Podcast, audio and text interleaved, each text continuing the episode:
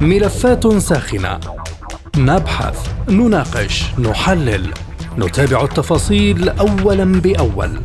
ملفات ساخنة برنامج يلقي الضوء على كل الملفات مع باقة من أبرز المحللين والمسؤولين. أهلا بكم في هذه الحلقة من ملفات ساخنة معكم فيها عبد الله حميد. شهدت مدينة جدة السعودية قمة جمعت قادة دول الخليج العربي مع دول آسيا الوسطى المتمثلة في أوزبكستان وتركمانستان وطاجيكستان قرغستان وكازاخستان. وأكد البيان الختامي للقمة على أهمية تعزيز العلاقات السياسية والاستراتيجية بين دول المجلس وآسيا الوسطى مشددا على أهمية الحوار والشراكة نحو آفاق جديدة في مختلف المجالات بالإضافة إلى تعزيز العلاقات السياسية والاستراتيجية وإدانة الإرهاب بكافة صوره وأشكاله واحترام سيادة الدول وعدم التدخل في شؤونها الداخلية. ولفت الجانبان إلى استمرار التنسيق بما يحقق الاستقرار الإقليمي والدولي واستمرار التعاون في المحافل والمنظمات الدولية مثل صندوق النقد الدولي والبنك الدولي لمواجهة التحديات الاقتصادية التي تواجه العالم. وأشار البيان الختامي إلى أن دول الخليج والبلدان الخمس سيتعاونون في تطوير طرق النقل بين المنطقتين وبناء شبكات لوجستية وتجارية قوية وتطوير أنظمة فعالة تسهم في تبادل المنتجات مع تطوير وتعزيز التعاون التجاري وتشجيع الاستثمار المشترك. في هذا الملف ينضم إلينا من جدة الكاتب والمحلل السياسي الطاجكستاني السيد فتح الدين زمان. أهلا بك سيد فتح. بداية ما أهمية انعقاد قمة دول الخليج مع دول وسط آسيا في هذا التوقيت؟ وفي الحقيقة أن انعقاد قمة الخليجية مع دول آسيا الوسطى تؤكد أن أهمية تعزيز العلاقات السياسية والاستراتيجية والأمنية والتجارية والاقتصادية والبيئية والإنسانية لجميع دول منطقة آسيا المركزية لأن أن الدول آسيا المركزية يعني الدول آسيا الوسطى حاليا تحتاج لجذب الاستثمارات لتعزيز البنية التحتية. أن هذه الدول الدول السابقة للاتحاد السوفيتي بعد تشتت اتحاد آه، بعد التشتت أي الانهيار الاتحاد السوفيتي السابق. يعني أصبحت آه، هذه الدول يعني بعد الانفصال مع الاتحاد السوفيتي فقيرا جدا وقد بدأ في بعض هذه الدول الحرب الأهلية خصوصا في جمهورية طاجكستان قد بدأت الحرب الأهلية. وفي جمهورية قرغيزيا قد جرت عدة من الثورات الشعبية. يعني كانت آه، بعد التشتت الاتحاد السوفيتي بدأت آه، المشاكل والاشتباكات السياسية والمسلحة والمشكلة المهاجرة يعني هجرة غير الشرعية ويعني قد بدأت عدة من المشاكل في بعض الدول.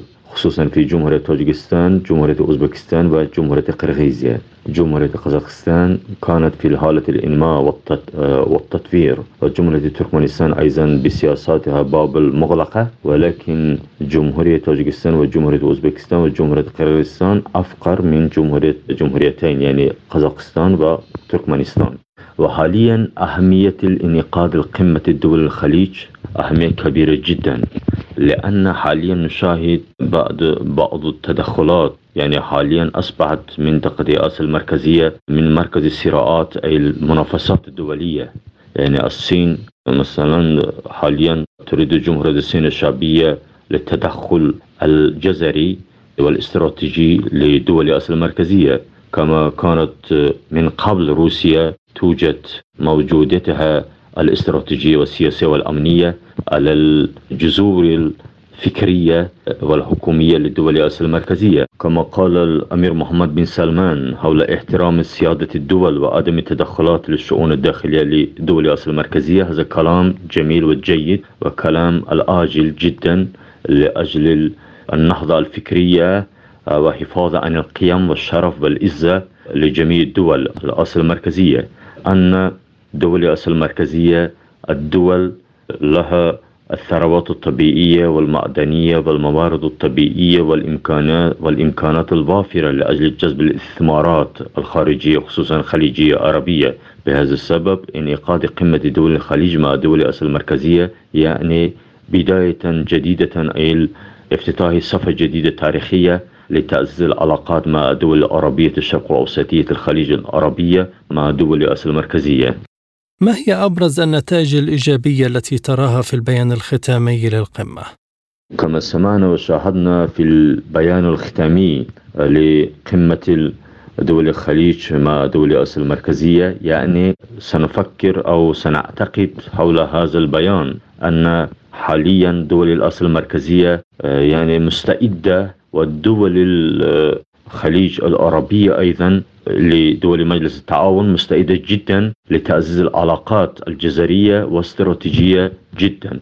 أن وكما شاهدنا أن حاليا رؤساء الدول أو القادات آسيا المركزية مستعدة وفي بداية الطريق يعني وفي بداية يعني استراتيجية الجديدة للتعاون وجذب الاستثمارات الصناعية مع الدول لدول مجلس التعاون يعني دول دول الخليج. وفي هذا السدد حاليا يعني أكدت هذه القمة القرارات للدول آسيا الوسطى يعني التصميمات يعني التفكير حول مستقبلهم للتعاون المزيد مع الدول العربية الخليجية. ودول مجلس التعاون.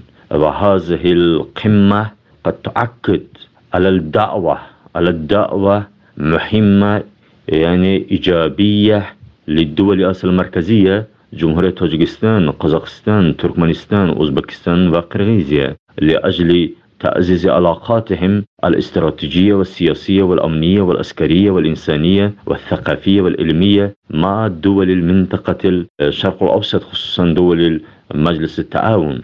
وفي هذا السدد نفكر أو نعتقد أن النتائج الإيجابية جدا والنتائج مهمة جدا حتى الانعقاد القمة الثانية في مدينة سمرقند بجمهورية أوزبكستان.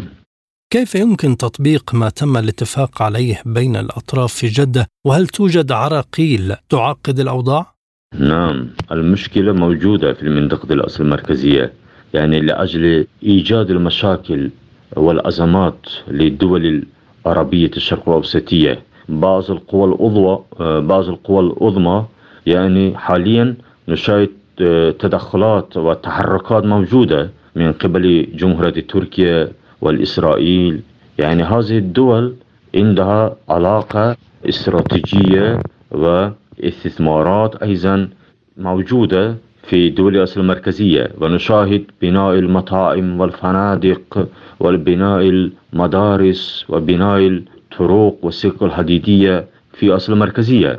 حاليا أصبحت مركز الصراعات ومركز المنافسات آسيا المركزية. بهذا السبب المشكلة موجودة على لدول مجلس التعاون.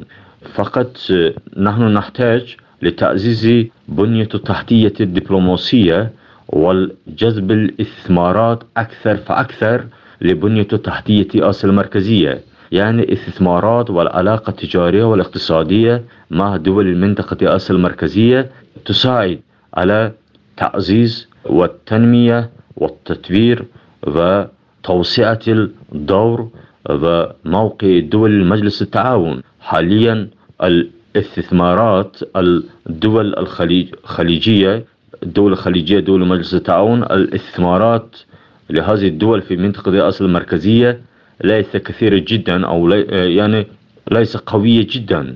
أي الدول في المنطقة التي تقوم مثلا بجذب الاستثمارات الكثيرة أكثر فأكثر حتى العلاقة طيبة في وسائل الإعلام يعني علاقة إعلامية آه، آه، يعني هذه الدول لها إمكانية كبيرة لأجل تطبيق وتحقيق الآمال أو في إيرادات السياسية والأمنية والإنسانية والاقتصادية والتجارية وغيرها.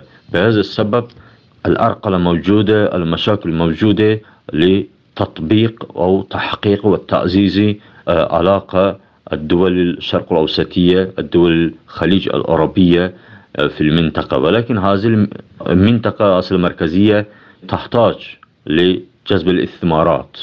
هذا مهم جدا لتطبيق الآمال والأهداف المستقبلية لدول الخليج العربية مع التطورات الدولية والمتغيرات التي تحدث على ماذا تعول دول آسيا الوسطى في علاقاتها الخارجية؟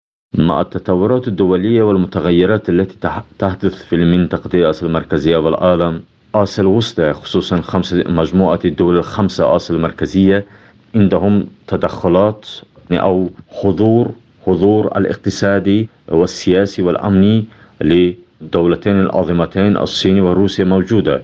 ولكن بالنسبة للتعزيز العلاقات التجارية والاقتصادية والسياحية والأمنية هذه الدول لا توجد أي مشكلة بالتعاون مع دول الخليج العربية. يعني تطبيق وتعزيز الاستثمارات لبناء السدود والمحطات توليد الطاقة الكهربائية والبناء الجسور وبناء الأنفاق وبناء الطرق آه، وبناء المدارس والجامعات في الدول الآسيا المركزية من قبل استثمارات القطرية السعودية الكويتية الإماراتية وغيرها قد تعزز تعزيز العلاقات مع دول آسيا المركزية.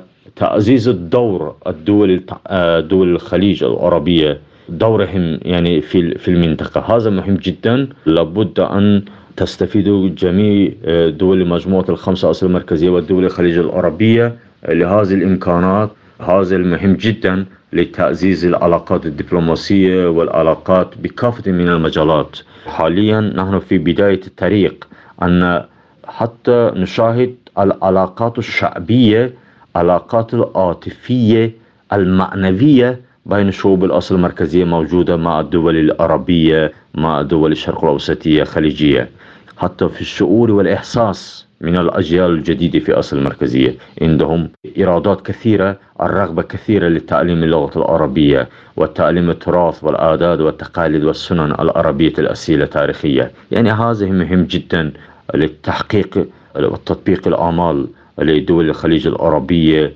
يعني الدبلوماسية إلى الرؤية المستقبلية في المنطقة الأصل المركزية. شكرا جزيلا لك سيد فتح الدين زمان الكاتب والمحلل السياسي الطاجيكي. كنت معنا من جدة. من الرياض ينضم إلينا الدكتور عبد الله العساف الكاتب والمحلل السياسي. دكتور أهلا بك. على ماذا ترتكز العلاقات بين دول الخليج العربي ودول آسيا الوسطى المتمثلة في أوزبكستان، تركمانستان، طاجيكستان وقزغستان، كازاخستان؟ مساء الخير لما نسأل اليوم على ماذا ترتكز العلاقة بين دول الخليج العربي ودول سي 5 في اعتقادي أنها ترتكز على عدة ركائز مهمة جدا. قد يكون الركيزة الأولى هي الأمن. الأمن مهم جدا وخصوصا أنه اليوم العالم أو بناء العلاقات الأمنية بين الدول وخصوصا أن نحن اليوم في انتظار نظام ميلاد نظام عالمي جديد ربما يكون خديج ربما يكون مشوه ربما يكون كامل. اليوم المتغيرات الجيوسياسية والجيوستراتيجية اللي مر بها العالم من خلال ثلاثة متغيرات رئيسة اليوم الأزمة الصحية اللي مر فيها العالم جائحة كورونا الحرب الأوكرانية أيضا تبدل وتصدع الولاءات القديمة. هذا أمر في غاية الأهمية. في السابق كانت دول آسيا الوسطى إلى حد كبير تعتمد ربما على الغطاء الروسي. في هذه المرحلة دخلت الصين على الخط وربما تدخل الولايات المتحدة. هذه المنطقة مليئة بالثروات وبالخيرات وأيضا هناك الكثير من الطامعين فيها. في المقابل لديها دول الخليج العربي التي تمتلك أو تماثلها. ولذلك نطلق على هذه الدول هي دول الخليج في آسيا الوسطى. تتشابه إلى حد كبير من حيث الثقافة ومن حيث الدين ومن حيث الثروات النفطية والطاقة والمعادن وغيرها إضافة إلى أنها مسالمة إلى حد كبير. لكنها محاطة بالكثير من الأطماع سواء الأطماع البعيدة أو الأطماع المجاورة لها لأنها تتماس مع حدود دولية الصين روسيا ايران تركيا أفغانستان. هي بحاجة لهذه وكل وهنا آه، تخشى هذه الدول من تمدد الفضاءات الثقافية والإيديولوجية إلى إلى داخل حدودها والتأثير على الديموغرافية الخاصة بها. ولذلك هي تسعى قدر المستطاع إلى تحصين أنفسها ثقافيا والتعاون مع دول الخليج التي لا تتماس معها مباشرة ولا تتقاطع معها أيضا بطريقة مباشرة مباشرة. والهم اليوم الذي يشترك فيه الكتلتان هو الهم الاقتصادي والهم الأمني. ولذلك تعتبر خطوة استباقية مهمة جدا من دول الخليج اليوم في تلمس الخطوات وبناء خطوات مهمة جدا في المستقبل. اذا سأعيد ما, ما المرتكزين المهمين. هو مرتكز الاقتصاد والاقتصاد والاستثمار هو بحاجة إلى الاستقرار. إذا الاستقرار والأمن وال والاستقرار والأمن والاقتصاد هم المرتكز الرئيس بين دول الخليج وبين هذه الدول، هذه الدول أيضا لها صوتها في المنظمات الدولية، لها حضورها الفاعل وأيضا تتشارك مع دول الخليج في في في الصناعات النفطية، دول الخليج لديها الخبرة الطويلة والكبيرة في هذا المجال وتستطيع أن تقدم الكثير كما ان هذه الدول لديها الماء والأراضي الخصبة الزراعية وبالتالي دول الخليج تستطيع أن تستثمر في هذا المجال وتتغلب أو تحقق الأمن الغذائي. واليوم الأمن المطلوب هو الامن بمفهومه العام ليس بالمفهوم التقليدي بل أمن الأمن الغذائي والأمن السياسي والأمن الثقافي والأمن الاقتصادي. أنا أعتقد أنه هذا مشترك بين الكتلتين الخليجية والآسيوية. دكتور ما هي أسس بناء علاقات بين دول الخليج ودول آسيا الوسطى في هذه المرحلة؟ أسس بناء علاقات الدول الخليج وآسيا الوسطى في هذه المرحلة. هناك تشابه كثير سواء من حيث الأنظمة السياسية من حيث الاستقرار السياسي من حيث الشعوب والمجتمعات ومن حيث التطلع إلى غد واعد والتحرر أيضا من الارتباط بالدول آسيا الوسطى ارتبطت بروسيا. ودول الخليج ارتبطت بالغرب. فهنا اليوم مسعى جديد لكلا الدول للتحرر من الارتباطات السابقة والبحث عن فضاءات. متعددة تخدم مصالحها. ما هي المجالات التي تستفيد منها منطقة الخليج في تعزيز علاقاتها مع هذه المنطقة؟ بالنسبة للمجالات اللي تستفيد منها دول الخليج الطاقة والنفط هذا أمر في غاية الأهمية. دول الخليج السعودية مثلا لديها شركة أرامكو وتمتلك خبرة كبيرة جدا ولدي والإمارات لديها شركة أدنوك وقطر لديها شركة الغاز القطري. هذا مهم أيضا في أنه هذه الخبرات هي اليوم تقدم نفسها على أنها شريك استراتيجي. نحن شركاء على قاعدة وين وين لا, لا, لا نتعامل معها مثل مثل بعض الدول التي تكون طامعة في خيرات خدماتها وتأخذ منها الكثير ولا تعطيها. نحن نتعامل بمبدأ الشراكة الاستراتيجية القائمة على العرض والطلب والأرباح المتبادلة فيما بين الطرفين. فهذه ربما يكون واحد من المجالات اللي تستفيد منها. أيضا الزراعة أمر في غاية الأهمية وأنا تحدثت عنها وهذا يشكل الأمن الغذائي لدول الخليج وهذا في نحن في أمس الحاجة إليه خصوصا اليوم بعد تعرض امدادات سلاسل الغذاء للتعطل أو للعطب بعد الحرب الأوكرانية. الفنيه ونحن بحاجة اليوم إلى وجود هذا الأمر خصوصا إنه اليوم الاستثمار في الزراعة في في هذه المناطق هو أكثر امانا. السودان خرجت من المعادلة وأندونيسيا وماليزيا تبتعد كثيرا عن دول الخليج. تبقى هذه الدول أمر في غاية الأهمية الاستثمار معها في مجال الزراعة وغيرها من المجالات التي تستفيد منها دول الخليج العربي.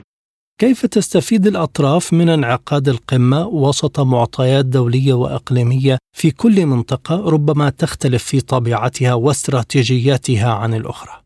صحيح هناك اختلاف في الظروف وفي ظروف كل بلد لكن اليوم لما نشوف دول الخليج نرى أنها خلال السنتين الماضيتين أو العامين الماضيين بدأت تعمل وفق منهجية استراتيجية جديدة وهي المنهجية الجماعية التي لم تكن معهودة في السابق. أصبحت تتحدث بلغة المجموع بلغة الجماعة وأصبحت تتكامل ولا تتنافس فيما بينها وهذا يعطيها قوة. أيضا دول آسيا الوسطى من خلال الكلمات التي رصدتها بالأمس لزعماء هذه الدول الخليج الخمس كانت تتحدث عن التكامل فيما بينها وأنها تستطيع ان أن تتعامل مع دول الخليج ككتلة سياسية واقتصادية متشابهة معها، صحيح هناك متغيرات دولية، هناك الولايات المتحدة لديها أطماع في هذه المنطقة، روسيا أيضا مجاورة وتعتبر هذه الدول امتداد تاريخي لها وبينهما صلة تاريخية مهمة جدا، الصين أيضا وهي ولديها خط الحرير وغيرها، تركيا، إيران، اذا هي اليوم تبحث اليوم عن مجالات وفضاءات مهمة جدا تساعدها في المستقبل. عندما تتأزم الأمور والعلاقات تكون أو تبني علاقات جيدة مع هذه الدول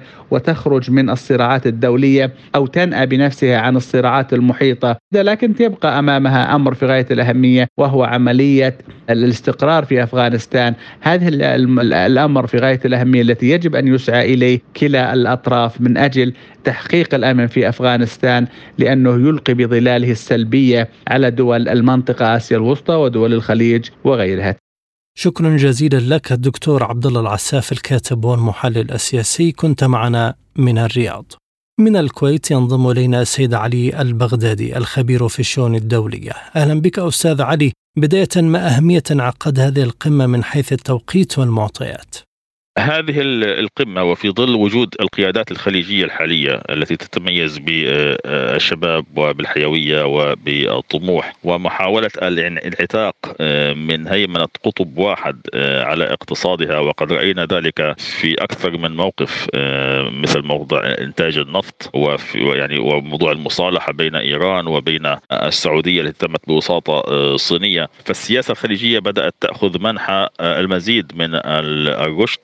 والاهتمام بالمصالح والاستقلالية بعيدا عن هيمنة القطب الأمريكي وبالتالي نتوقع انه هذه في وجود هذه القيادات وهذه وهذا وهذا السعي وهذه الظروف أيضا الذاتية والموضوعيه نتوقع أن يكون هناك يعني تنفيذ لهذه الاتفاقيات الواعدة والطموحة التي تم التي نتجت عن هذا هذه القمة. ما أعتقد أن الأمر سيطول بل ممكن أن تأخذ هذه الأمور منح التنفيذ بشكل سريع. لأن الإيرادات متوفرة والمصالح موجودة وأيضا الظروف الذاتية والموضوعية قائمة ولماذا اتجهت دول الخليج إلى منطقة آسيا الوسطى بالذات؟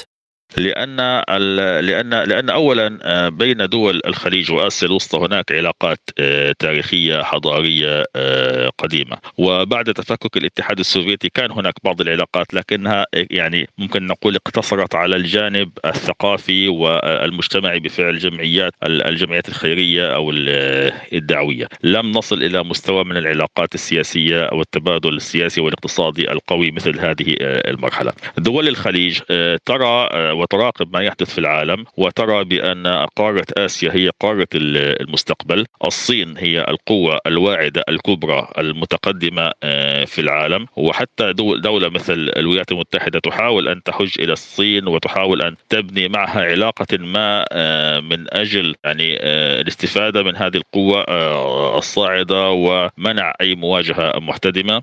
دول الخليج ترى أن الهند أيضا دولة ستحصل خلال أعوام ستصل إلى مراتب متقدمة اقتصاديا في في العالم وبالتالي فقارة آسيا هي قارة واعدة وصاعدة ودول آسيا ودول ودول الخليج أصلا بطبيعة الحال هي جزء من قارة آسيا. فبالتالي التوجه نحو آسيا الوسطى كمنطقة مهمة ومنطقة لها بعد جيوسياسي ومنطقة من مناطق الحيوية في العالم. وهي مناطق بكر ما زال في هناك إمكانيات للاستثمار والاستفادة وبالتالي فأمر طبيعي جدا أن تتوجه دول الخليج إلى آه، اسيا الوسطى التي تعتبر امتدادا آه، لها. أيضا هناك ما يثار عن أزمة غذاء عالمي آه، قادم ومنطقة آسيا الوسطى من المناطق الغنية بالقمح وبالحبوب. ما هي المعطيات اللاحقة بعد نتائج القمة مع دول آسيا الوسطى؟ هل ستكون في وقت قريب أم تحتاج إلى وقت حتى تنفذ؟ هذه القمة وفي ظل وجود القيادات الخليجية الحالية التي تتميز بالشباب وبالحيوية وبالطموح ومحاولة الانعتاق آه، من هيمنة قطب واحد على اقتصادها وقد رأينا ذلك في أكثر من موقف مثل موضوع إنتاج النفط وفي يعني وموضوع المصالحة بين إيران وبين السعودية التي تمت بوساطة آه، صينية. فالسياسة الخليجية بدأت تأخذ منحى آه، المزيد من الرشد و والاهتمام بالمصالح والاستقلالية بعيدا عن هيمنة القطب الأمريكي وبالتالي نتوقع انه هذه في وجود هذه القيادات وهذه وهذا وهذا السعي وهذه الظروف أيضا الذاتية والموضوعية نتوقع أن يكون هناك يعني تنفيذ لهذه الاتفاقيات الواعدة والطموحة آه، التي تم التي نتجت عن هذا هذه القمة. آه، ما أعتقد أن الأمر سيطول بل ممكن أن تأخذ هذه الأمور منح التنفيذ آه، بشكل سريع لأن الإيرادات متوفرة والمصالح موجودة وأيضا الظروف الذاتية والموضوعية قائمة. شكرا جزيلا لك سيد علي البغدادي الخبير في الشؤون الدولية كنت معنا من الكويت. لإلقاء الضوء أكثر على الملف ينضم إلينا المتخصص في الشأن الأسيوي السيد عماد الأزرق من القاهرة أهلا بك أستاذ عماد قراءتكم إذا لنتائج قمة دول الخليج مع دول وسط آسيا وكيفية التطبيق وضماناته أهلا ومرحبا بحضرتك وبالسادة المستمعين. بالتأكيد القمة التي عقدت مؤخرا ما بين دول الخليج ودول آسيا الوسطى وهي القمة الأولى من نوعها. التي تجمع بين الجانبين بتأتي في توقيت بالغ الأهمية ويمر العالم فيه بتطورات كبيرة سياسية واقتصادية وبيئية وغيرها. تمتد تأثيراتها بشكل كبير على جميع دول العالم بدون استثناء وتعتبر المنطقتين من أهم مناطق العالم تأثرا بهذه بهذه التطورات العالمية نظرا لأهميتهما الاستراتيجية وجوارهم لمناطق الساخنة في العالم سواء ملامستهم للحرب الروسية الأوكرانية أو لمنطقة الشرق الأوسط وما تحتويه من مشاكل آه، كثيرة. بالتأكيد هذه القمة جاءت لتضع آه، رؤى واستراتيجيات وخطط لتعزيز التعاون ما بين آه، الجانبين على مختلف الأصعدة السياسية والاستراتيجية والاقتصادية والتعليمية ونجحت بالفعل في وضع خطة عمل مشتركة تستمر لمدة خمس سنوات خلال فترة من 2023 حتى 2027 تستهدف بلا شك تحقيق تقدم كبير وتطور نوعي غير مسبوق في التعاون ما بين هاتين المنطقتين بما يلبي طموحات آه، دول هاتين المنطقتين وشعوبهم وبما يحقق أو بما يعود بالنفع على شعوب هاتين المنطقتين وتعظيم الاستفادة المشتركة وتعزيز التعاون والتبادل بينهما. بالتأكيد هذه الرؤية الاستراتيجية التي وضعها قادة آه، الدول في آه، آسيا الوسطى وفي منطقة الخليج. تتضمن الكثير من الإجراءات الكفيله بتطبيق هذه الرؤية واتصور أن الضمانة الأكثر فاعلية لتحقيق هذه الاستراتيجية هي وجود إرادة سياسية من الجانبين لتعزيز التعاون المشترك بينهما بدليل عقد هذه القمة الأولى من نوعها. الأمر الثاني حاجة المنطقتين إلى تعزيز التعاون بينهما لما يمتلكانه من قدرات اقتصادية و تجارية وهائلة وبما ونظرا لما يواجهانه من تحديات بالغة سواء على المستوى الإقليمي أو المستوى الدولي هل التواصل السابق مع هذه الدول الخمس يؤدي في هذه المرحلة إلى زيادة التعاون مع دول الخليج العربي؟ هذه القمة لم تأتي من فراغ بكل تأكيد وهناك علاقات متميزة تجمع دول المنطقتين بشكل كبير للغاية وهناك استثمارات متبادلة وتعاون مشترك وتبادل تجاري على قدر كبير من الأهمية وتعاون في المجالات المختلفة ولذلك قادت هذه الدول وجدت أنه قد حان الأوان لتعزيز لتعزيز هذا التعاون ووضع خطة مستقبلية مشتركة لضمان استمرار وتعزيز هذا التعاون وهو ما تم ترجمته بالفعل خلال هذه القمة. وبالتأكيد خطة العمل التي تم وضعها وما تتضمنه من إجراءات عملية ومحاور للتعاون في مختلف المجالات. خاصة الاقتصادية والتعليمية والصحية يؤكد رغبة الدولتين في إقامة علاقات أو تحويل العلاقات بينهما إلى مستوى العلاقات الاستراتيجية ما بين الجانبين في مختلف المجالات. وبالتأكيد هذه القمة هي نقطة بداية لمزيد من التعاون وسيتم البناء عليها في السنوات المقبلة. وأتصور أن هذه القمة ستعقد بشكل دوري بالتناوب ما بين دول المنطقتين بهدف متابعة ما يتم الاتفاق عليه وضمان استمرارية هذا آه، الإنجاز الكبير الذي توصل إليه قادة الدول المختلفة. شكرا جزيلا لك سيد عماد الأزرق المتخصص في الشأن الأسيوي. كنت معنا من القاهرة. مستمعينا بهذا نصل وإياكم إلى نهاية هذه الحلقة من برنامج ملفات ساخنه طابت أوقاتكم وإلى اللقاء.